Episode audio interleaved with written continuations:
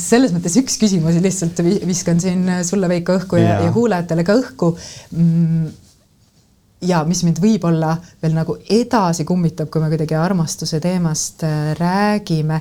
jah, et minu jaoks see retk oligi siis sinna, et kus on see minu linnuke, minu esimene armastus. Äh, kas ma olen pannud ta õigesse kohta nii jutumärkides, kas ma üldse peaksin ta kuhugi asetama kas me üldse peaksime hoidma kinni sellest kontseptsioonist, et kusagil on see esimene armastus ja me seda hästi nagu idealiseerime ja, ja tõstame esile ja kuidagi selle järgi ajaarvestust peame ja, ja, ja, ja selles mõttes nagu sain, sain endale vastuseid. nüüd see küsimus, mille viskan õhku, äh, üks järgmine eeldus, mis kuidagi sellest koorus, on see, et kui sa oled kedagi kunagi armastanud, siis kas on võimalik ja päriselt armastanud, siis on, kas on võimalik lakata teda armastamast. Ja need inimesed, keda me oleme päriselt armastanud, me armastame neid tegelikult elu lõpuni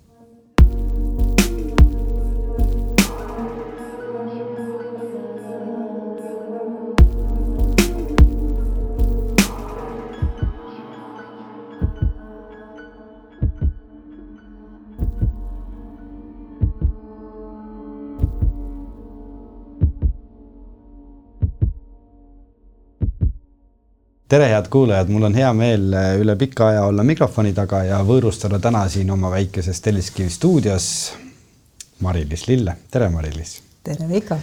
no nii, eks me oleme siin suve jooksul kohtunud küll ja üks põhjus, miks ma Mari-Liisil nööbist kinni haarasin, on see, et äh, ei ole vist äh, parema pealkirjaga lavastust, mis ei sobiks meie saatesse kui see, mis me suvel seal Viinistul tegime. esimene armastus on selle pealkiri ja eelkõige sellest lähtuvalt võikski täna sinuga juttu rääkida, et mis asi see üldse on ja mis su pähe kargas, et niisugust asja teha, aga soojenduseks meil on see küsimus tavaliselt alati kuskil lõpupoole või nii. aga kui ma praegu ütlen sulle sõna armastus, kas sa suudad öelda mingi esimese emotsiooni või mälestuse, mis sul sellega tekib enda, kas lapsepõlvest või noorusest või kuskilt mm? -hmm ja seal, see on mu lemmikküsimus siin saates ja alati huvitava huviga kuulan, mis inimesed vastavad ja olen ise mänginud ka neid mõttemänge, et mis siis ette viskab, viskas äh, kaks asja tegelikult ette. Ja noh, need mõlemad on adekvaatsed, sõltub, mis armastusest me räägime, eks ole, esimene on muidugi seotud ema armastusega ehk siis mingi tunne meie Kibuvitsa tänava kodus, kus äh, me elasime kõik, eks ole, kahetoalises korteris, lõpuks siis viiekesi üsna sellise kahekümne ruutmeetri peal ja ja see on mingi tunne, kus ma olen seal, tookord oli see veel selline diivan, sohva, kus me magasime ja kus minu ema hoiab mind kaisus, selline tunne, selline nõukaaegne beež tapeedimuster on seal kõrval ja mitte kõige mugavam voodi. aga et see hoidmise tunne on nagu esimene, mis tegelikult praegu viskas. muidu, kui me räägime sellisest sellest järgmisest armastusest, sellest romantilisest armastusest ja. ja sellest, millest rääkis ka see lavastus peamiselt, eh, siis viskab ka ühe, ühe pildi eh, ja ka pigem sellise nagu, mm, kuidas öelda sealt ma võtsin selle küsimuse, mis ma küsisin oma intervjueeritavatelt, sinna ka jõuame, et kuidas sinu esimene armastus lõhnas. minu esimene armastus on lõhnatajuga hästi palju seotud. ehk siis ta viskab pildi vanalinna muusikamaja, kes teavad, saal, öö, pimedus, mingi halb üheksakümnendate selline aeglase tantsumuusika, täpselt seda ei mäleta. aeglane tants, tema nahktagi lõhn, väikese õllesuitsuseguga see on see pilt aga kui ma praegu küsiks sinu käest, et eh, kuidas armastus lõhnab, mis sa siis ütleks mm.? mere järele mm.. kas see on kuidagi seotud sinu enda armastusega mere vastu või lihtsalt? ei, selles mõttes ja sellega ka, armastusega mere vastu ka, aga et ta ikkagi ma kuidagi praegu siin saates vaatan armastust nagu ikkagi teise äh, elusolendi vastu, teise inimese vastu. ja, ja. ja selles mõttes see armastus, mis minu elus praegu on, nii kuidagi paarisuhte tasandil kui ka siis suhtes lastega näiteks, on kuidagi hästi palju olnud mere ääres, saanud alguse mere ääres, äh, viibinud mere ääres ja kuidagi see see avaruse tunne, mis seal, mis seal tekib, mulle ka seostub armastusega. Aga sina oled äh, oma elus teinud siis nüüd põhiliselt dokumentaalavastusi mm, -hmm. on ju mhm. nii? ja päris mitmel teemal. kuidas siis nüüd juhtus, et selleks teemaks sai armastus? no lõpuks tuleb ikka üks tükk armastusest teha ja juhtus vist äh, lihtsalt niimoodi, et ma ju, kui ma seda plaani pidasin, ma olin äh, väga väikese beebiga kodus mm. -hmm. Mis pidasin ma jah, Hendrik helistas äh, ja küsis, et kas midagi Draamateatris võiks teha. Hendrik siis nagu peanäitejuht? peanäitejuht Hendrik ja, ja siis nagu ikka sellisel puhul on tegelikult ju kõik maailma teemad, eriti dokumentaalteatri puhul kõik maailma teemad on laual ja siis ma katsusin nagu tunnetada ja oli ju mõtteid ühes ja teises suunas, aga oli, ma olin ise oma elus sellises kohas, et ma, tahtnud kuidagi sukelduda sinna elu äh, pahupoolde üldse, sest noh, ma olin tõesti hästi kuidagi sellises helges ja, ja hoitud kohas ja istusin seal beebis üles nagu selle kõne ajal. Ja, ja siis, ja siis ta tuli. Ja noh, tuli ringiga tagasi, seda ma olen juba, see on ka kihvt, ikka räägid kogu aeg sama juttu. Nojaa, aga loodetavasti aga... meie kuulajad pole seda juttu veel pole kuulnud. kindlasti kuulnud, nii et ma räägin ikka korra veel. ja et see ei ole ka mingi uus teema mitmes mõttes, et see teema oli laual siis, kui ma alustasin üldse lavastaja teed, dokumentaalteatri teed ja kui me Paavoga käisime kohvikus Paavo Piigiga ja mõtlesime siis, et mis võiks olla see teema, mis meid mõlemat võrdselt kõnetab, lõpuks selleks oli depressioon. Eh, aga et sellel hetkel oli ka see esimese armastuse teema eh, käis läbi, eh, tundus liiga pehme sellel hetkel, võtsime depressiooni ja, ja igatepidi noh, selles mõttes mm, et see esimese armastuse teema on mind äh, kummitanud varem ka ja keda ei oleks, eks ole aga noh, ma lihtsalt olen märganud, et on mingisugused kunstiteos ja mingisugused raamatud.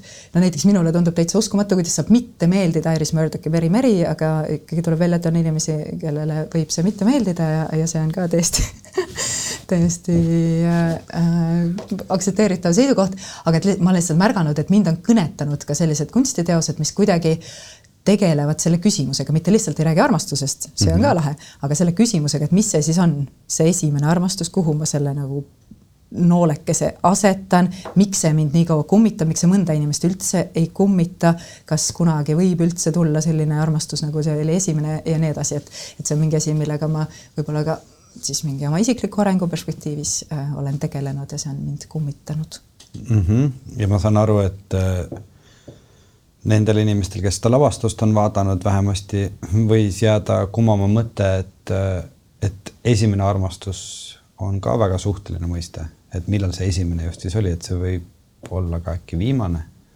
armastus ja noh, minu jaoks ilmselt kõige avastuslikum oligi see, et juba neid intervjuusid tehes mm, -hmm. et millest inimesed räägivad et minu jaoks nagu isiklikult äh, tundus see ikkagi täiesti võrreldamatu, et ma võiksin näiteks rääkida oma sellest esimese klassi armastusest, et mul on kuskil äh, seal see ka või, või siin ma ei mäleta, kolmanda klassi armastusest, no ühesõnaga et, et sellest poisist kooli peal, kellest, kellest ma siis mõtlesin ja, ja lootsin, et me läheme koos ratsutama. Et see ei ole minu jaoks võrreldav selle punktiga, mida mina nimetan oma esimeseks armastuseks, mis tabas mind kuskil, ma arvan, viieteistaastasena äkki kolmeteist kuni viieteistaastasena. ja, ja samas, et minu jaoks oli avastuslik, et paljude inimeste jaoks on, et tegelikult nende jaoks see tunne seal esimeses klassis, seal lasteaias võis olla võrreldav, samaväärne, sama tugev kui, kui, kui, kui see, kuhu mina oma linnukese panen. ma arvasin tegelikult, vist päriselt julgen niimoodi öelda, et ma arvasin, et see on kõigi jaoks sarnane, et see on tabanud meid kusagil seal varemas või hilisemas teismeeas ja et see on see, kuhu kõik panevad selle punkti, aga see ei ole see täpselt samamoodi nagu tegelikult oli väga huvitav meie esimeses proovis minu meelest, siis kui palusin, et kes soovib jagada näitlejatel siis ja trupi liikmetel oma esimese armastuse lugu. Ja tegelikult ju tõesti seal oli inimesi, kes ütlesid, et just nimelt see suhe, mis mul on praegu käsil, ongi minu esimene armastus, see viimane. Aga sa ütlesid, et äh, kunagi, kui te Paavo Piigiga seda mõtlesite, siis sulle tundus, et, et see on liiga pehme teema, aga kas, kas äh, ei, ei ole tihti ka selle esimese armastusega seotud kuidagi just nagu mingisugused valud ja, ja muud asjad ja emotsioonide mm -hmm. Ameerika raudteed ja. kindlasti, kindlasti ma arvan, see on isegi see täpselt teadmata päritolu tsitaat, et tegelikult esimene armastus ei ole mitte see, kes on su esimene armastus, vaid see, kes esimesena su südame murrab ja noh, kindlasti, kindlasti see on hästi palju äh, sellega seotud ja, ja et ma kunagi ei armasta enam niimoodi nagu esimest korda, sellepärast et seda nagu usaldust, seda, seda sellist naiivsust, seda, seda usku, et nüüd sellest punktist igavesti elu lõpuni mõnes mõttes ei saagi kunagi tagasi, kui sul on olnud, et sa oled päriselt armastanud ja see on lõppenud niimoodi, et sina saad haiget, siis tegelikult päriselt seda ongi. Mõnes mõttes seda algset olukorda ei ennistagi sul on võimalik äh, kogeda igasuguseid teistsuguseid armastusi ja võib-olla, kui me siin hakkame kuidagi mõõtma nagu ka suuremaid või tugevamaid, aga nad on igal juhul teistmoodi, et seda mingit esialgset sellist äh, avatust ja, ja, ja mõnes mõttes süütust nagu ei, ei, ei saagi tagasi ja et kindlasti südamevaluga on seotud.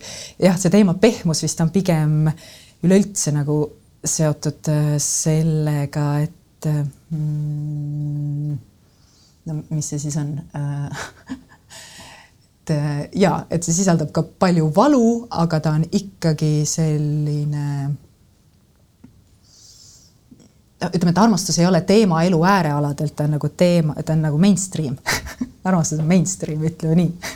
Jah, no aga kuidas sulle tundub, äh, kui mainstream tegelikult ta meie ühiskonnas on, et kui palju inimesed sellest rääkida tahavad, kui lihtne sul oli leida neid inimesi, kellega intervjuusid teha?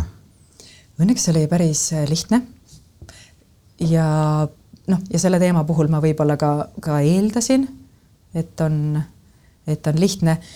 Mm, vanemate inimeste puhul jah, kes ei ole tükki näinud äh, ega, ega lugenud ega kuulnud, et siis me ju intervjueerisime nii väga vanu inimesi, neid, kes on juba ligi sajaaastased, kui ka väga noori inimesi. kust see printsiip tuli? See tuligi sellest, et, et ma mm, noh, nii nagu mind enda jaoks on võib-olla huvitanud kuidagi see armastuse kulgemine ajas minu enda jaoks ja ma tahtsin ka kuidagi laiemalt äh, saada aru, mitte lihtsalt toredaid lugusid armastusest, vaid et, vaid et ikkagi, kuidas see aeg, milles me elame, mõjutab seda meie armastust. Ja ilmselgelt ta mõjutab, ilmselgelt nagu meie suhted tänapäeval on hästi palju teistmoodi kui nendel inimestel, kes sündisid esimese Eesti Vabariigi ajal nii keskeltläbi, alati on erandeid mõlemas suunas. ja, ja mind ennast huvitas just see mõnes mõttes sellises sotsioloogilises plaanis see armastuse muutumine. ja, ja jah, ja tõesti nende vanade inimeste puhul, et kas oli raske leida, siis ega väga palju saja-aastaseid inimesi lihtsalt ei olegi olemas selles mõttes eh, me pidime ühel hetkel laskma oma latti natuke allapoole et kui meie see esimene printsiip oli see, et nad inimesed, kes on sündinud koos esimese Eesti Vabariigiga, mis tähendab, et nad on tõesti saja, saja ühe aastased, äh, siis äh, neid me leidsime, äh, mõned mm. -hmm. ja siis me natuke lasime latti allapoole, et kvalifitseerus, kui sa olid siiski ka natukene elanud Eesti Vabariigi ajal, mitte sündinud koos sellega, nii et selles mõttes äh, oli raske leida, aga et seda, et inimene ei oleks tahtnud intervjuud anda, oli paar korda just väga eakate inimeste puhul, kes ütlesid, et ei, sellel teemal ma ei soovi rääkida. oli ka intervjuu käigus ikkagi selliseid olukordi, kus inimene oli juba öelnud, et ja-jah, võin rääkida küll. ja samas ilmselgelt see, kuidas, kui palju üldse isiklikest asjadest räägiti näiteks kaheksakümmend aastat tagasi, kui see sajaaastane inimene oli noor, on hoopis teine tase ilmselgelt. nii et noh, juba küsimus, mis meie jaoks äh, võib-olla noh, päris võõralt inimeselt võib-olla ei küsi, aga võib-olla juba küsid ka, et milline oli sinu esimene suudlus võib tekitada selle sellises mõnes mõttes, need olid minu elu kõige raskemad intervjuud, kuigi olen siin nagu lähisuhtevägivallast iga, igasugustel teemadel äh, rääkinud. et sa ei saagi vastust, et see on inimese jaoks ikkagi nii ootamatu, et nii intiimsest asjast rääkida, et ta räägibki sulle sellest, kuidas ta ise ikka tahtis, et ta koolis käiks ja, ja kui sa kordad küsimuse, lõpuks sa ei saa aru, kas inimene on seniilne või ta ei taha vastata, eks ole, mis ka tegelikult ju ühel hetkel vanusega, vanusega võib meie kõigiga juhtuda. nii et jaa, ma arvan, et me ju tahame ikka armastusest rääkida, lihtsalt et mm, võib-olla, kui ma vaatan nagu seda ümbritsevat fooni, kuidas me armastusest räägime, et me meil tundub küll, et meil ei ole mingisuguseid tabusid ja igal pool on igasugused nagu seksinipid ja esimesest suudlusest võib vabalt rääkida, aga et võib-olla me ei taha rääkida just nimelt nagu sellest mm, sellest osast armastusest, mis, mille me lubame endale kuhugi sügavale naha vahele ja, ja mõnes mõttes selle armastuse sügavusest võib-olla me ei, ei taha, ei julge, ei, ei räägi nii palju. aga noored olid siis jutualtimad? noored olid jutualtimad igatepidi ja selles mõttes nende jaoks oli eh, küll see, et ei olnud ühtegi, ühtegi küsimust, mis oleks kuidagi tabu. ja nad olid eh, lahkesti valmis arutlema pigem oli seal tõesti selliseid olukordi, et kui sa küsid väga noore inimese käest, et mis on armastus kusagil seal intervjuu lõpuotsas, et siis ta tõesti, ta, ta jääb hätta ta tegelikult ei ole kunagi enda jaoks pidanud sõnastama ja täiesti normaalne, et kaheksateistaastane inimene ei ole kunagi pidanud sõnastama. ja siis ta proovib kuidagi ühte ja ühte ja teistpidi. aga et jaa, neil oli lihtne rääkida. ja noh, kaasa arvatud ka armastuse füüsilisest poolest, mis mulle tundub, on ka jälle mingi selline nihe, et mm, ma arvan, kui mina olin kaheksateist ja keegi oleks tulnud minuga rääkima armastuse füüsilisest poolest, ma oleksin ikkagi väga palju vähem jutukas olnud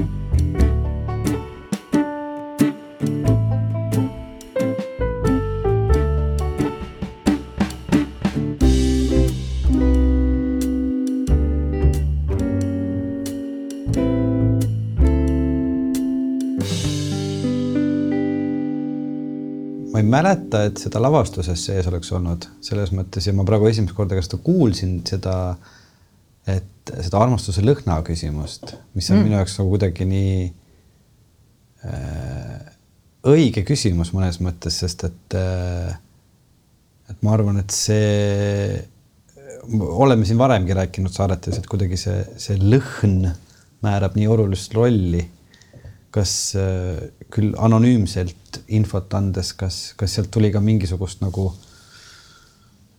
kuidas ma siis ütlen, kujunes mingit mustrit välja või ikkagi igal inimesel oli oma lõhn sellel asjal või, või, või hakkas tekkima mingi üleüldine, et me saame nüüd öelda, et armastus on kollast värvi ja lõhnab nagu sidrun kahjuks sellist statistikat teha ei ole võimalik. oleks küll väga-väga kena, aga oleks, lavastus on sees see koht, kus Kaie Mihkelson räägib, see on päriselt ühe saja ühe aastase inimese jutt sellest, kuidas teate, mis lõhna on jäänud Narvast. seal, kui lähed jasmiinid mitme miili peale ja see on ikkagi väga erinev, et kui ma nagu meenutan ja paljude inimeste jaoks see üldse ei seostu lõhnatajuga, et selles mõttes ma ütlengi, et ma kuidagi arvasin, et see on ka mingi universaalne asi, kuna see minu jaoks on hästi palju ka lõhnatajuga, aga igasuguste muude tajudega ka loomulikult, aga ka sellega noh, versus, et näiteks kui ma mõtlen, võtame kasvõi mingi teise suure teema, kui ma mõtlen surma peale, mul surm on vähem lõhnadega seotud näiteks kui armastus. Ja, ja küsides seda küsimust siis intervjueeritavate käest, paljudel oli mingi seos ja tihtipeale see oligi just nimelt noh, näiteks, et selle maikuise aasalõhn või siis äh, see, kui me sõitsime ratastega ja sadas vihma, see lõhn, ühesõnaga. ja paljude jaoks muidugi see oli täiesti selline küsimus, mis mõttes lõhnas, et nagu, nagu tema lõhn, hästi lõhnas, ta oli pestud ja kõik niimoodi. Äh, eriti just äh, eakamate inimeste puhul oli sain aru, et lõhna küsimus ei ole päris see küsimus, mis neid kõnetab et vanusegrupp on juba selline, et tekib kerge ja, aga kas, kas kuidagi on seda ka, et äh, mida vanemaks inimene saab, seda vähem emotsioone talle see nagu teema pakub nimega armastus või kas sa nagu täheldasid seda, et, et noored kuidagi rääkisid, mida noorem, seda kirglikumalt kuidagi rääkis, mida vanem, seda vähem mm? -mm. ei, ei, pigem see on ikkagi, see sõltub sellest loost, sest et tõesti, ütleme minu üks esimesi intervjuusid, vist teine intervjuu, mis ma tegin ja siis alustasime, eks ole, eakamatest inimestest, oli selline, kus ma istusin seal hooldekodus inimese, saja-aastase inimese vastas ja algul tegime niisama juttu ja kuidas siin tervis ja niimoodi ja väike võimlemine iga päev ja nii, nii, nii. ja siis, kui kuidagi vaikselt läksime teema juurde, ma küsisin, et aga milline või kes oli teie esimene armastus, siis saja-aastane proua, siis minu silme all, tal hakkasid pisarad voolama mm ja siis ta rääkis ja laulis ja rääkis ja, ja et selles mõttes ähm, noh, ja sellest oli siis möödas üle kaheksakümne aasta. ehk siis mulle tundub, et see emotsioon on ikkagi seotud selle loo endaga ja lihtsalt meie esimese armastuse lood ongi erinevad. Nad on erinevad ka just nagu selles aspektis, et esiteks, kumb pool jutustab kui me räägime mingist loost, mis on lõppenud, ükskõik siis tollel ajal, äh, esimese vabariigi ajal, need enamasti lõppesid traagiliselt sedapidi, et äh, küüditati ära, sai sõjas surma, jäi teadmata kadunuks. ja igatepidi see on traagiline lõpp. ja kui inimene seda meenutab, siis ta on tegelikult kandnud seda kaasas kõik need kaheksakümmend aastat, see ei ole kuidagi leidnud, leidnud lahendust, see mõnes mõttes teeb selle talle siiamaani äh, haiget. ja samas, kui me võtame näiteks ka tänapäevased äh, lood, et seal sõltub hästi palju jah, kummal poolel sa jutustad, ehk siis kui me võtame ühe suhte, enamasti kui meid ei taba sõda pommitamine, seal on alati keegi, kes jätab teise maha mm. -hmm. ütleme niimoodi. ütleme otse välja. ütleme otse välja yeah.. ja nüüd kummal poolel sa oled? kas sa oled see, kes jättis teise maha või sa oled see, keda jäeti maha, millest mulle tundub, et see oluliselt see emotsionaalne kraad kuidas see sulle sinu kehamälust nagu üles tuleb, on erinev. lihtsalt kui sa oled see mahajäetu, siis võib-olla tõmbab isegi törtsu pisarat ja kui sa oled selle teisel poolel, ilmselt mitte, meenutad toredasti hea sõnaga, aga pisarat ei tõmba mm. -hmm. aga kas see, nende, eriti just ma mõtlen vanemate inimestega rääkides äh, äh oli, oli ka tunne, et et, et nad on tegelikult oma elus saanud sellest nii vähe rääkida, et nad mõnes mõttes nagu olid noh, saad mu küsimusest aru? ja, ja, et neil oli hea meel, et keegi küsis. nojah, ma mõtlen, me ju tavaliselt ei küsi, keegi ei lähe, no väga harva keegi läheb vanaema juurde ja ütleb, kuule, ole nüüd pai, räägi mulle oma esimese armastuse lugu ja kuidas see esimene suudlus ikka oli mm. -hmm. ja ega ei lähegi eriti kuna siin jääb õhku selle, see võimalus, et see ei olnud mu vanaisa. Yeah. ja, ja sellepärast juba ka. Ja oma emadelt-isadelt isegi ma arvan, et äh, eriti paljud ei ole küsinud, et selleks peab olema ikkagi mingi teatav, teatav julgus ja ja, või siis kodune ülesanne koolis. Aga ja nad, mulle tundus küll, et neil oli hea meel, et keegi küsis, esiteks oli seda igat noh, nad olid tänulikud, et nad said seda meenutada. ja, ja tihtipeale, ega see ei olnud ju ka alati nii, et reeglina see oli ikkagi enamikel juhtudel see oli inimene, kellega oli ka abiellutud, elatud pikk elu ja siis ta ka maha maetud, ehk siis, et igatepidi nagu nii-öelda lubatud armastus, midagi, mida on tore meenutada. Ja, ja mida tõesti ilmselt eh, väga harva või siis mitte kunagi ei ole küsitud. Kas see, et sa valisid teha intervjuud äh, pigem vanem, vanemate või hästi vanade inimestega ja siis noorte inimestega, kas sul oli ka eesmärk äh, teada saada, et, et kas need lood on erinevad, kas kuidagi aeg on olnud erinev ja kas sa said sealt midagi teada?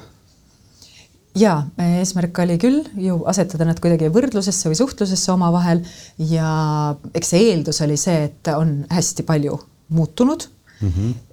ja osaliselt see sai ka kinnitust seal, noh, ma ütlengi, et seal on nagu mõlemas suunas erandid. Ja minu eeldus oli see, et me vanasti otsisime armastust, seda ühteainsat, siis kohtasime teda, abiellusime, elasime õnnelikult elu lõpuni, seal oli variatsioone nagu seesama, et äh, tuli märtsi pommitamine ja me neid enam kunagi. Aga et, et see pigem oli reegel versus siis see, kui me ikkagi räägime armastusest tänapäeval siis ma ei tea, mitut inimest sa tead, kes oleks kohanud oma elu armastust ja abiellunud temaga ja elanud õnnelikult elu lõpuni. mina tean vist ühte. no vähe, vähe, vastus on vähe. ja, ja vastus on jah, et pigem erand ja jah ja see oli nagu see eeldus, mille pealt ma nagu läksin, läksin küsima. Ja loomulikult minu nagu suureks rõõmuks oli erandeid mõlemas suunas, et oli üle kaheksakümne aastane härrasmees, kes ütles, et, et eks peab olema ikka nagu natukene mingeid muid suhteid ka peale, peale oma pere ja, ja kes on tolleks hetkeks oli matnud oma abikaasa, aga oma kuuekümne aastase abielu jooksul ikkagi kogu aeg korduvalt petnud oma naist erinevat, erinevas suunas ja samamoodi oli tegelikult väga tore istuda nende kaheksateist ja üheksateistaastaste noortega, kes ikkagi ma ütleks, väga küpsel moel analüüsisid seda, et äh, kas see, mis meie vahel oli, oli lihtsalt kiindumus või see oli ikkagi armastus. Ja et see, et mina ei suutnud piisavalt hästi panna ennast tema olukorda, tähendas, et ma ei suutnud piisavalt palju ikkagi armastada ja, ja ei olnud see pilt ju sedapidi mustvalge, et tänapäeval hästi palju juhusuhteid keegi armastuses midagi ei tea, et alati on äh, variatsioone. kas sa ise said need vastused, mida sa tahtsid saada sellest rännakust nende inimestega? sa ei pea neid nagu välja ütlema, aga või sul ikkagi on nagu tekkis tunne, et võiks seda teemat veel edasi kaevata kuidagi vist mitte sellel moel. jah mm,, ma arvan, et ma sain ammendavaid vastuseid enda jaoks. juhiseid eluks juhiseid eluks. selles mõttes üks küsimus lihtsalt viskan siin sulle, Veiko, õhku ja, ja, ja kuulajatele ka õhku mm, ja mis mind võib-olla veel nagu edasi kummitab, kui me kuidagi armastuse teemast äh, räägime. jah, et minu jaoks see retk oligi siis sinna, et kus on see minu linnuke, minu esimene armastus. Äh, kas ma olen pannud ta õigesse kohta nii jutumärkides, kas ma üldse peaksin ta kuhugi asetama kas me üldse peaksime hoidma kinni sellest kontseptsioonist, et kusagil on see esimene armastus ja me seda hästi nagu idealiseerime ja, ja tõstame esile ja kuidagi selle järgi ajaarvestust peame ja ja, ja, ja selles mõttes nagu sain, sain endale vastuseid. nüüd see küsimus, mille viskan õhku, äh, üks järgmine eeldus, mis kuidagi sellest koorus, on see, et kui sa oled kedagi kunagi armastanud, siis kas on võimalik ja päriselt armastanud, siis on, kas on võimalik lakata teda armastamast ja need inimesed, keda me oleme päriselt armastanud, me armastame neid tegelikult elu lõpuni küsimus sulle, Veiko. mina võin ka vastata. ja mina arvan, tähendab, ma nüüd saan rääkida nüüd enda kogemusest. ma arvan, et ikkagi see mingisugune tunne jääb kuskil alles, et ta ei kao lõpuni ära, et et see võib olla küll juhtunud kümme aastat tagasi, aga ta ikka nagu, kui ta peale mõtled, siis seal tekib mingi teine tunne ju, sa ei saa nagu lakata armastamast, kui sa oled armastanud isegi ma arvan, kui ta sulle väga on haiget teinud või, või mis iganes, ma ei tea, mis on nüüd minu isiklik seisukoht mm. -hmm. aga sa ütled, et, et võib lakata õige vastus on hoopis ei äh,, ma ühinen su seisukohaga ja. ja see on lihtsalt enda jaoks jällegi huvitav küsimus, mulle tundub nagu tagasivaatavalt mm. -hmm. et äh, ma vist enne mõtlesin sellest kuidagi ambivalentsemalt sedapidi, et jah, igatepidi, et need tunded muutuvad, on ju, teisenevad ja nii edasi. ma kuidagi enda jaoks jah, vist olin selle sõnastanud nõnda, et, et et, et saab küll või et, et need, need, need tunded võivad ka nagu jahtuda sinnamaani, et, et sa, et sa ei mäleta neid enam. aga et äh, nüüd võib-olla pigem just selle protsessi käigus kuidagi kuulates nagu sellises eluloo perspektiivis tervet seda saja-aastast lugu mm,, ma olen aru saanud jah, et et äkki see järeldus on sedapidi, et äh, kui, kui ma ikkagi teda enam üldse ei armasta, siis äkki see ei olnudki armastus ka siis, kui ma arvasin, et see oli. jaa, see on huvitav, huvitav mõttemäng. sest ma mõtlen seda, et äh, isegi vist, isegi vist siis, kui sa oled väga armastanud ja siis kuidagi nagu otsustad, et keegi teeb sulle väga haiget ja sa otsustad, et nüüd ma hakkan teda hästi vihkama ja hästi paha, et siis lõppkokkuvõttes ikkagi need tunded, tunded äh, mida me oleme tundnud, ju jäävad alles ja ma arvan, ma olen siiamaani seda meelt äh, ja aeg-ajalt seda lauset korranud siin erinevatel salvestusel just nendele inimestele, kes, äh, kes on kuidagi antud ajahetkel võib-olla mingisuguse õnnetu armastuse küüsis või just lahku läinud ja mõtlevad, et milleks see kõik ja mis on et siis tagantjärele on nii hea tõdeda, kui palju need inimesed, olukorrad on meid õpetanud ja edasi arendanud ja, ja kasvatanud, et see on, et see on väga oluline.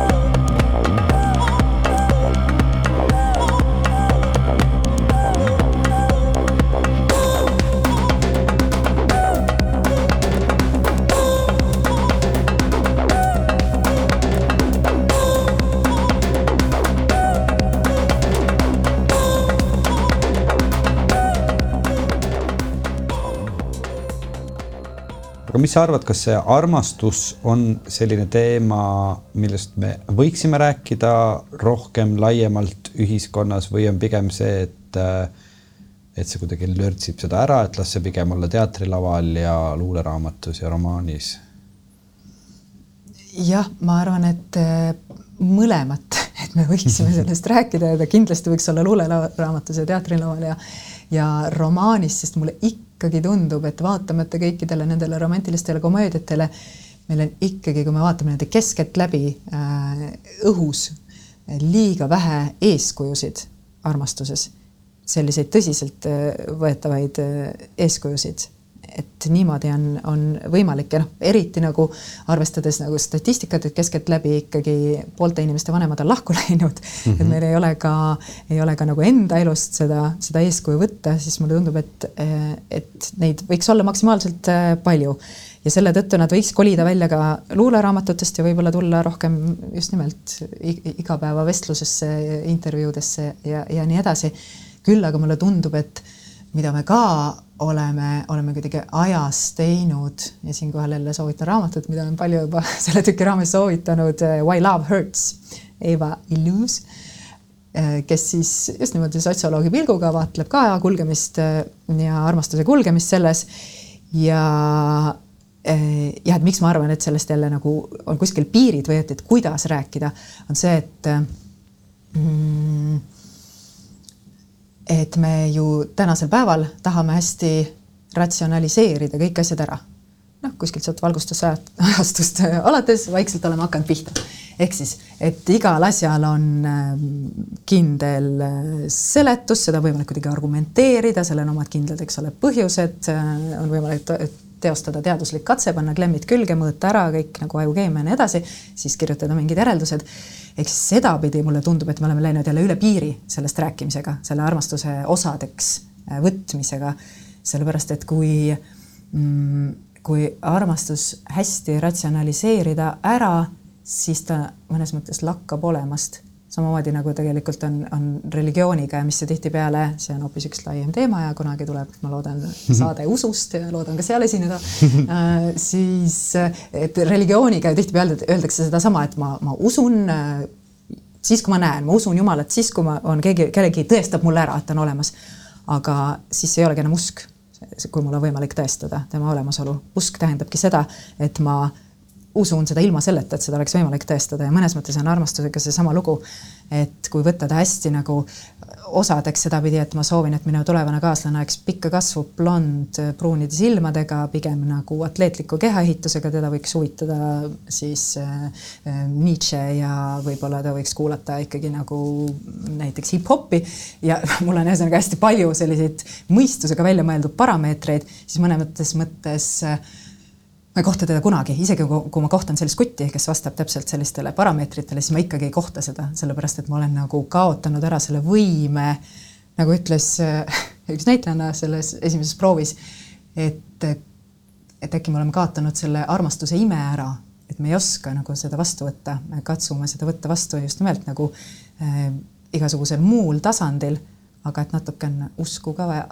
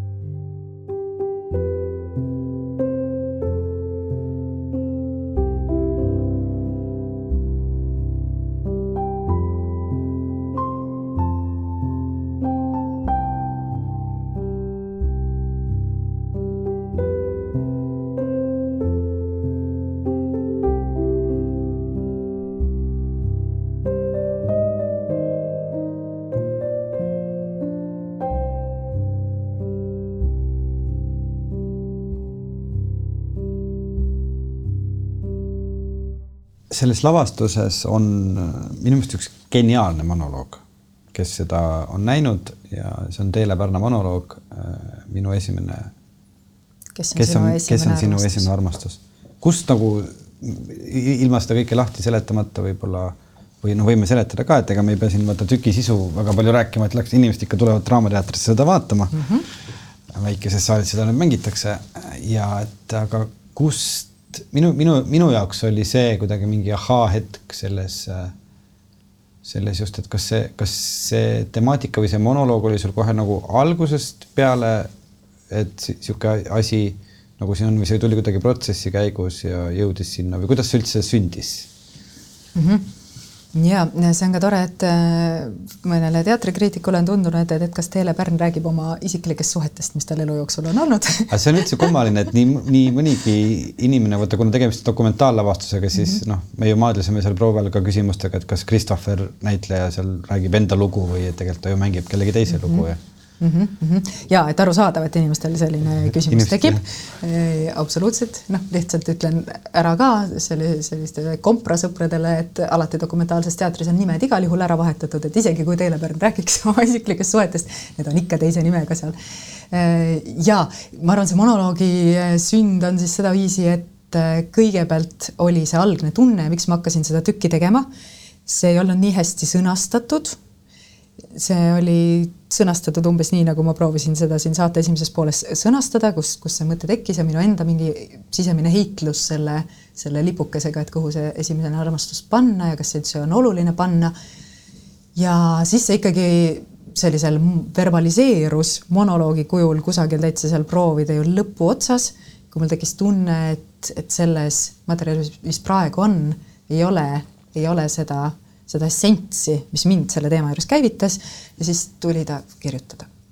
aga kas sa ise, see on, see on selles mõttes nagu huvitav monoloog, et ta tõesti räägib sellest, et noh, kuulajale siin kahe lausega, kes ei ole lavastust näinud, et et, et see esimese armastuse mõiste siis liigub nagu läbi aja, et seal tõesti, et minu esimene armastus võis olla see minu hamster seal või nüüd see, keda ma siin viimati armastasin.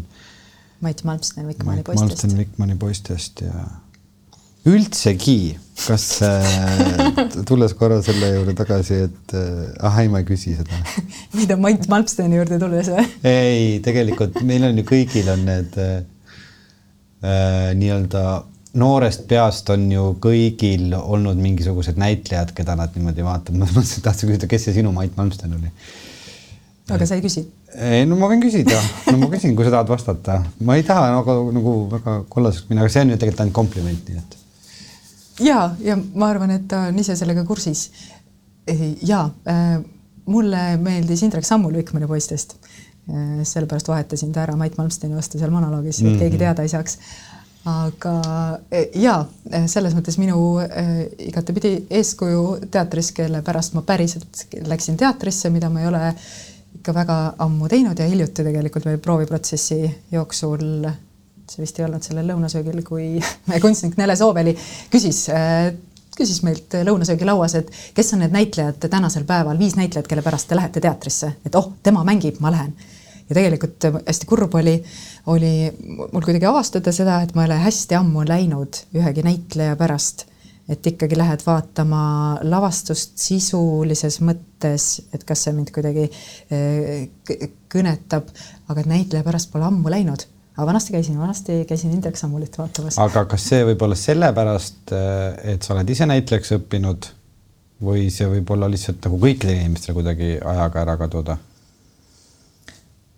ma ei tea, ma arvan, see sõltub ikka, Pilleri purjel ei ole kadunud näiteks, et see, mis sõltub, ma arvan, äh, just nimelt, kuidas see sinu fookus e-, elus liigub ja kindlasti on see sellega seotud, et ma olen lihtsalt võib-olla keskmisest rohkem käinud teatris, kuna ma olen seda ise õppinud ja mõnes mõttes võib-olla saanud piisavalt hästi tuttavaks kõikide näitlejatega, mitte seda, et eh, ükski näitleja ei suuda mind kunagi üllatada, vaid ikka, ikka suudab, aga et, et kui juba olla parajalt nendega tuttav, et siis sa lähed midagi veel otsima. ja, ja nagu see võõra vaataja salapära kaob ära, selles mõttes mm, -hmm. et mhm. kui sa nüüd lähed teatrisse, sa ju, sul on tegelikult Indrek Sammuli kohta nii palju informatsiooni ja sa tead kogu tema tausta, kõiki muid asju ja ja aga kui sa olid toona see noor tütarlaps, siis see oli ju lihtsalt nagu üks suur kujutlus, võib-olla see on seesama, taandub sellele armastuse teemale, et kui me nagu liiga äh, ratsionaliseerime armastust ja defineerime selle kõik ära, et siis me ei taha lõpuks nagu armastusest ka enam midagi kuulda. võimalik jah, siinkohal ütleksin, et, et see praegu ei tähenda, et Indrek Sambul oleks kuidagi kompromiteerinud ennast kuidagi teatri tagaruumides minu silmis. vabandust, see jäi kuidagi niimoodi kõlama. mitte, mitte seda, aga, aga jaa see on, see on, see on lihtsalt selles mõttes ka ju ka huvitav teema, et hästi, hästi palju inimesi ju käib ka teatris tegelikult eriti nooremad, käivadki mingi näitleja pärast, et neil tekib mingisugune kiindumus siis või noh, ma ei tea, kas seda, tegelikult seda saab ka armastuseks nimetada ju, see on lihtsalt mingisugune mm -hmm. vorm, ma armastan seda näitlejat, ma ei suuda mm, -hmm. ma tahan teda näha ja eh, kindlasti ma ja ma arvan, et see on hästi loomulik eh, kiindumuse vorm ka, et see ei teki eh, võib-olla paljude teatrinäitlejatega, vaid see tekib ka selle seriaali näitlejaga või selle filmi näitlejaga.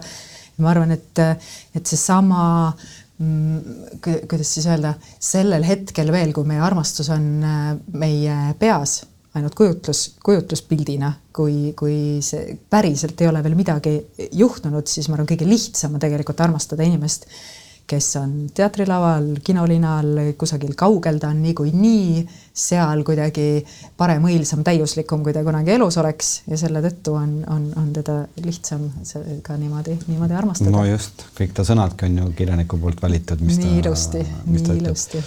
kuule, aga mida sina mõtled nüüd sellest, et Äh, me mõnes mõttes ju tuleme sinuga mm, või nagu oleme sinuga sellises mõnes mõttes nagu elame natuke nagu lõhestunud ajal, et, et, et me oleme lapsepõlves saanud selle kasvatuse, et äh, ikkagi vist veel, et sa leiad selle inimese, sa oled temaga elu lõpuni, siis me oleme jõudnud nüüd teatavasse vanusesse, me näeme, mis meie ümber toimub, nagu sa ütlesid, et nagu pooled abielud on lahutatud, kuidagi see armastuse ja kooselu teema muutub siin elus nii palju ja kuidagi kaugeneb järjest rohkem sellest äh, aga samas on need ideaalid on meil ikkagi nagu peas.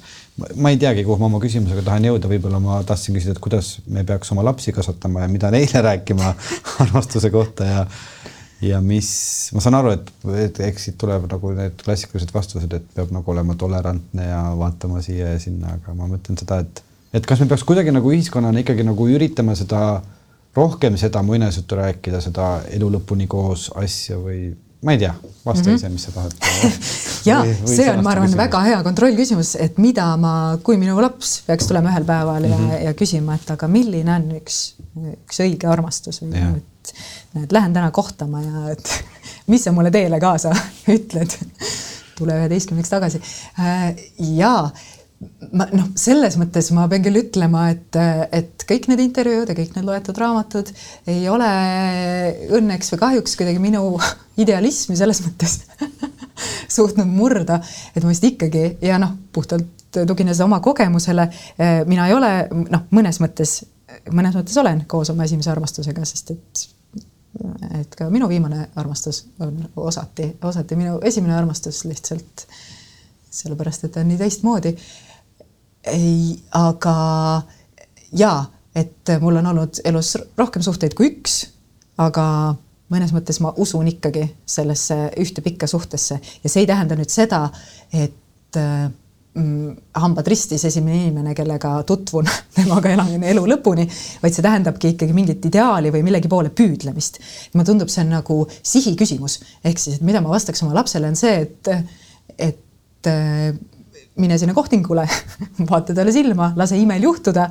Eh, anna oma parim, eh, pühendu, eh, ole teise jaoks olemas.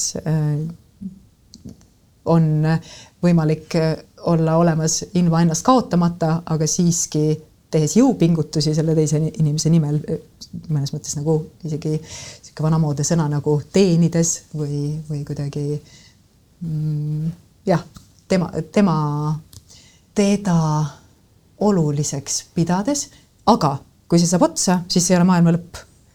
aga et mis ma mõtlen selle sihi koha pealt ja kui ta käitub sinuga halvasti, siis tule kohe ära ehk siis, et mulle tundub, et, et me võiksime proovida või no mis, mis mina siis olen proovinud, on seesama ikkagi nagu sihi, sihi seadmine. et eh, kui kõik läheb valesti, ilmselgelt me ei ole teineteise jaoks mõeldud, ta käitub minuga halvasti, siis ma ei pea hambad ristis temaga elu lõpuni äh, koos piinlema. aga kui ma saan kellegagi kokku äh,, siis mulle ikkagi meeldib panna see siht sinna, et ma töötan selle nimel, et see võiks juhtuda. see pikk kooselu tingimusteta armastus, mida tundub, et kunagi enam ei juhtu, ma vähemalt asun, asun tööle selle nimel, et see võiks juhtuda. aga kas sa arvad, et Eesti inimene praegu kuidagi ka loobub liiga kergekäeliselt äh, kooselust või armastusest, et lihtsalt selles mõttes, kuna ühiskonnas on meil näited, et me võime seda teha, ma olen teatud vanuses, mul on tunne, et mul on nüüd igav, ma tahaks mm -hmm. veel mhm. midagi proovida. et äh, äkki oleks mõistlikum ikkagi otsida, see on loll lause nüüd, aga professionaalset abi ja pöörduda nõustaja poole ja või et kuidas sul, kuidas sa nagu tunned, vaadates siia ümber, et kas, kas see meediakultuur, mis meile seda kõike ette annab, võiks olla selles mõttes natukene nagu teistsugune, see ruum, mis meile loob mm. -hmm ja noh, nagu kiusatus öelda, et ja loobume küll kergekäeliselt ja selles mõttes üldse nagu mitte hinnanguid andmata, vaid võib-olla pigem ka vaadates nagu seda teekonda, mille mina olen läbi käinud, ma olen küll väga kergekäeliselt loobunud tegelikult mm. -hmm ja kindlasti loobunud selle tõttu, et ma olen elanud aastatel, eks ole, alates kaheksakümne kolmandast kuni üheksakümnendate kahe tuhandendad, kus mulle on öeldud igast võimalikust suunast, et kui ei meeldi, mine ära äh,. alati on kuskil mingeid huvitavamaid variante, ära lase võimalust käest äh,. ja kindlasti see on mind äh, väga palju äh, saatnud ja kummitanud ja kindlasti olen kergekäeliselt loobunud ja selle pealt julgen teha üldistuse, vaadates ümberringi, et äh, juhtub, juhtub seda ka. ja loomulikult ma ei räägi mingitest olukordadest, kus äh, ta on minu suhtes füüsiliselt vägivaldne, ta ähvardab mind mingil muul moel, ma tunnen ennast igapäevaselt kogu aeg hästi halvasti. Need ei ole need olukorrad, kus pingutada ja minna kellegi juurde aga sellises olukorras, kus mulle tundub, et no ma ei tea, natuke on nagu särtsu väheks jäänud, et see, see, ma arvan, on see olukord, kus tegelikult võib täitsa seda särtsu proovida leida äh, üles. Jah. ei, ma ei plaaninud üldse teha nagu seda rubriiki, et äh, kümme nippi, kuidas, aga lihtsalt praegu tekkis täitsa huvitav, huvitav uitmõte, et kas kuidas sa annaksid nõu noorele inimesele, keda on just tabanud õnnetu armastus? et äh, ta süda on murdunud, pisarad voolavad teist nädalat järjest, ei tea, mis oma eluga ette võtta ja teha mm. -hmm. et, et mis ta võiks oma võtta ma ei tea äh, ja äh, ma ütleks, et võtta maksimum sellest hetkest seepärast, et. jah, see on nii õel. see on nii õel nõuanne aga, aga see on tegelikult ainu, ainulaadne äh, olukord, kus ta sellisel, sellisel juhul on. mulle väga meeldib üks äh kunagi Ingomar lavastas O'Neilli äh, see Laitses ja, ja sealt mul jäi hästi kõlama äh, üks lause, see kontekst oli seal küll hoopis teistsugune, aga seal veel naine vist kahtlustas, et mehel on homoseksuaalseid kiindumusi ühe oma sõbra suhtes. Aga et see lause, mille Ingamar ise mängis ja, ja nii nagu ilusti ja ausalt ütles, oligi see, et, et iga tõeline tunne kahe inimese vahel, see on nii haruldane, et ükskõik, milline see on, et, et see on täiesti piisav ja sellest tasub nagu kümne küünega kinni hoida. ja mulle tundub, et see kehtib ka selle südamevalu kontekstis, et see on ka nii tõeline tunne ja see nagu mõnes äh, mõttes võib-olla lohutav, mõnes mõttes mitte, aga ta on ka haruldane. Et see ei ole nii, et seda nagu eh, juhtub eh, kogu aeg eh, sinuga ja et, et sa kuidagi harjud ära ja muutub tavaliseks ja nii edasi.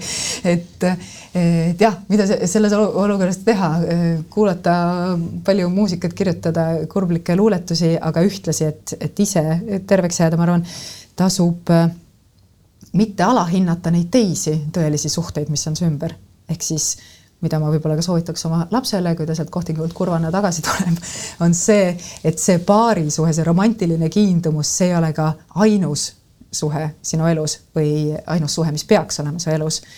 sul on olemas sõbrad loodetavasti ja, ja kes on olemas just nimelt sellisteks hetkedeks ja sul on olemas perering, ükskõik milline ta on ja kellest ta koosneb ja kellega sul on hoopis teistsugune kiindumussuhe ja õed-vennad ja ühesõnaga, et neid, neid armastuse ringe on rohkem ja sel hetkel, kui su süda murdub ja tundub, et enam ei ole midagi, siis tegelikult need armastused on ikkagi seal olemas. ja et, et pigem ju sellel hetkel äkki tasubki võtta fookusesse need, noh, sest tegelikult, mis me ju kipume tegema, mina küll vanasti kippusin tegema, nii kui süda on hästi murtud, ma katsun ta parandada niimoodi, et ma leian kohe mingi uue suhte, sellepärast et see ju päriselt parandabki mm -hmm. ja ja tundub, et siis nagu läheb hästi-hästi-hästi ruttu ja, ja, ja kiiresti. vahel võib, võib ka niimoodi minna, aga et mulle tundub, äh, mis ma ka mõtlen, et võtta sellest südamevalust viimast on ka mitte proovida seda kuidagi nagu peita või ära kaotada või niimoodi, vaid lasta sellel juhtuda ja lasta sellel hetkel nagu kanda nendel teistel armastustel, teisetasandilistel armastustel, mis on ikkagi su elus olemas kuldsed sõnad, kuldsed sõnad ah,, see on, ei no selles mõttes on, et, et ise ka kuidagi elus noh, mida noorem sa oled, seda rohkem tundub, et, et see romantiline armastus on nii oluline, et see on nagu kõige olulisem asi su elus. ja sa unustadki ära, et tegelikult see armastus on ju igal pool su ümber, lihtsalt seda on raske, raske siis kuidagi antud hetkel, no eriti veel, kui sa oled olnud tõesti selles pisarad voolavad ja sind on maha jäetud ja siis, siis ongi raske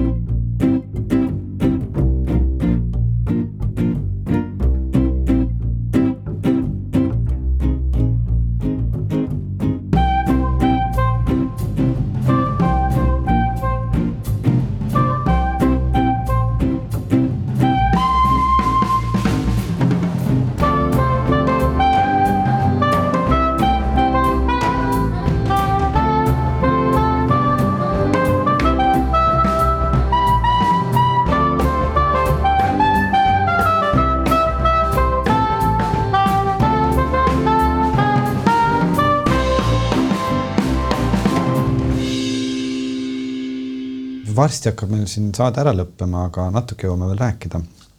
mis, ma ei, ma ei taha seda küsimust küsida ei, seda ma ei küsi.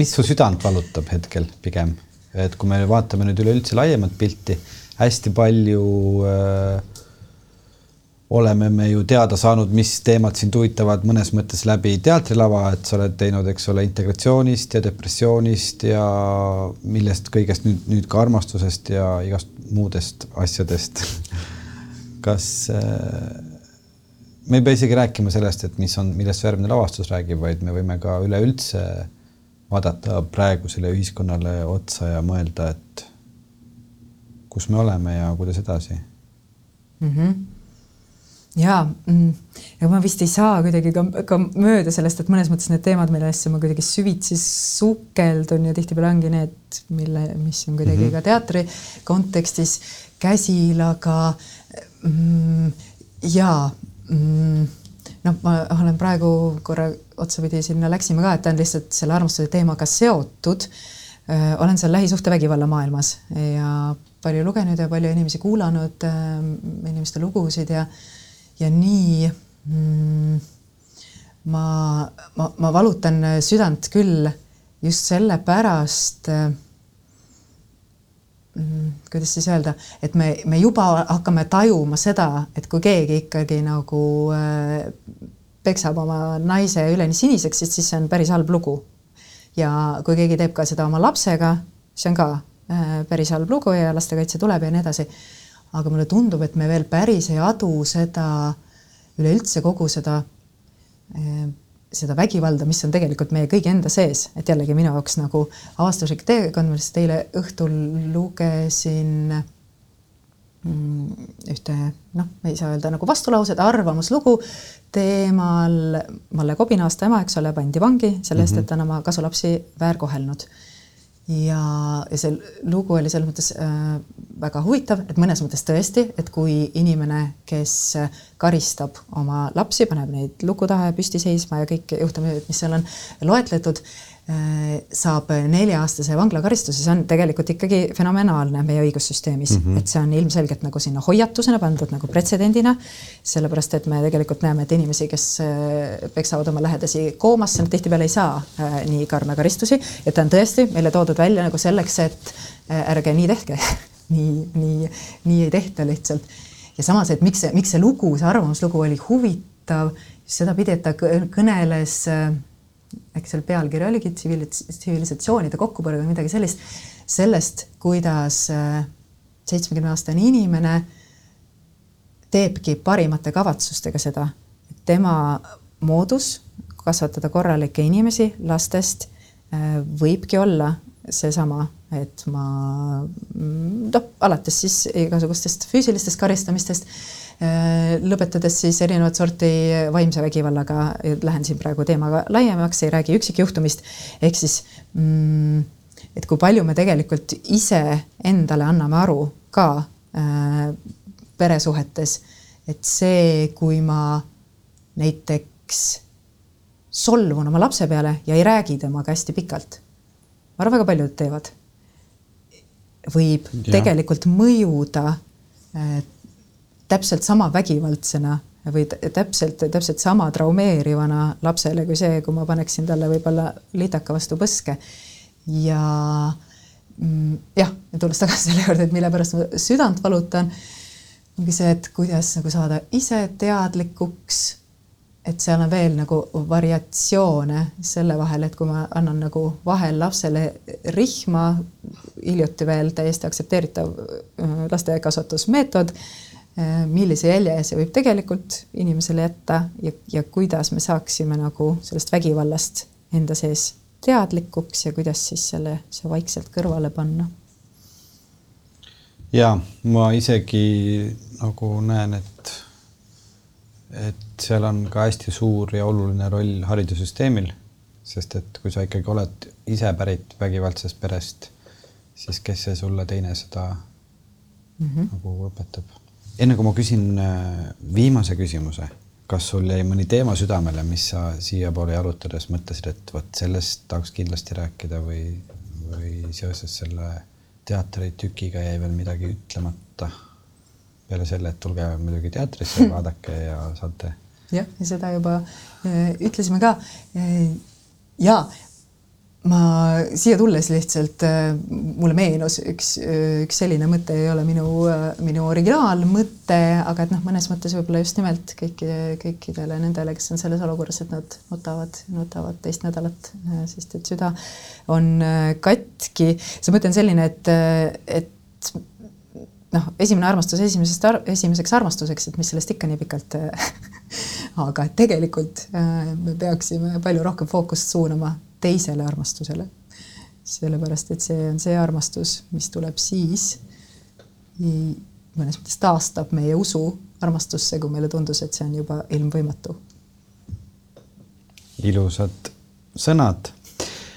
mis oleks üks raamat ja mis oleks üks film mida võiks vaadata või lugeda need, eh, kes, kellel hetkel ei ole seda tohutut armastusemotsiooni, aga tahaks seda kuidagi kogeda. Mm.. ehk siis ütle üks läbi sinu elu üks nagu imeline armastusfilm ja imeline armastusromaan, mis on selline, et mm. -hmm. no see sõltub nagu nii palju, mis vanuses äh, jah, et ma noh, esimesena, mis siia viskab ette, et ma soovitaks ikka ikkagi kohe vaadata triloogiat Linklateri Before Sunrise, Sunset ja Before Midnight, võtta üks pikem õhtu või kolm õhtut järjest ja vaadata need ära romaani koha pealt ma ütlengi, et sõltub vanusegrupist, et ma sooviksin, soovitaksin kõigile, kes on alla kahekümnendat eluaastat, lugeda kindlasti mõnda remarki, näiteks äh, Maria Remargi Kolm sõpra ja nendele, kes on üle kahekümne ma soovitaksin seal kahekümne, kolmekümne vahel lugeda ikkagi Meri Merit. ja võib-olla siis äh, pärast kolmekümnendat eluaasta, võib ka varem, võib ka teises järjekorras, äh, siis äh, Frommi Armastuse kunsti ma peaks need, ma, ma ei ole vist nendest kolmest soovitusest mitte ühtegi lugenud. no nii, hakkame pihta. vaatan, millest ma pihta hakkan aitüma, et sa said sellel kaunil sügis pärastlõunal siia tulla ja tänane saade sai selline, nagu ta sai. minu meelest äh, ei jää teil muud üle, kui minna nüüd teatrisse. muusika, mis täna saates kõlas, on kõik pärit lavastusest Esimene armastus. head aega. head aega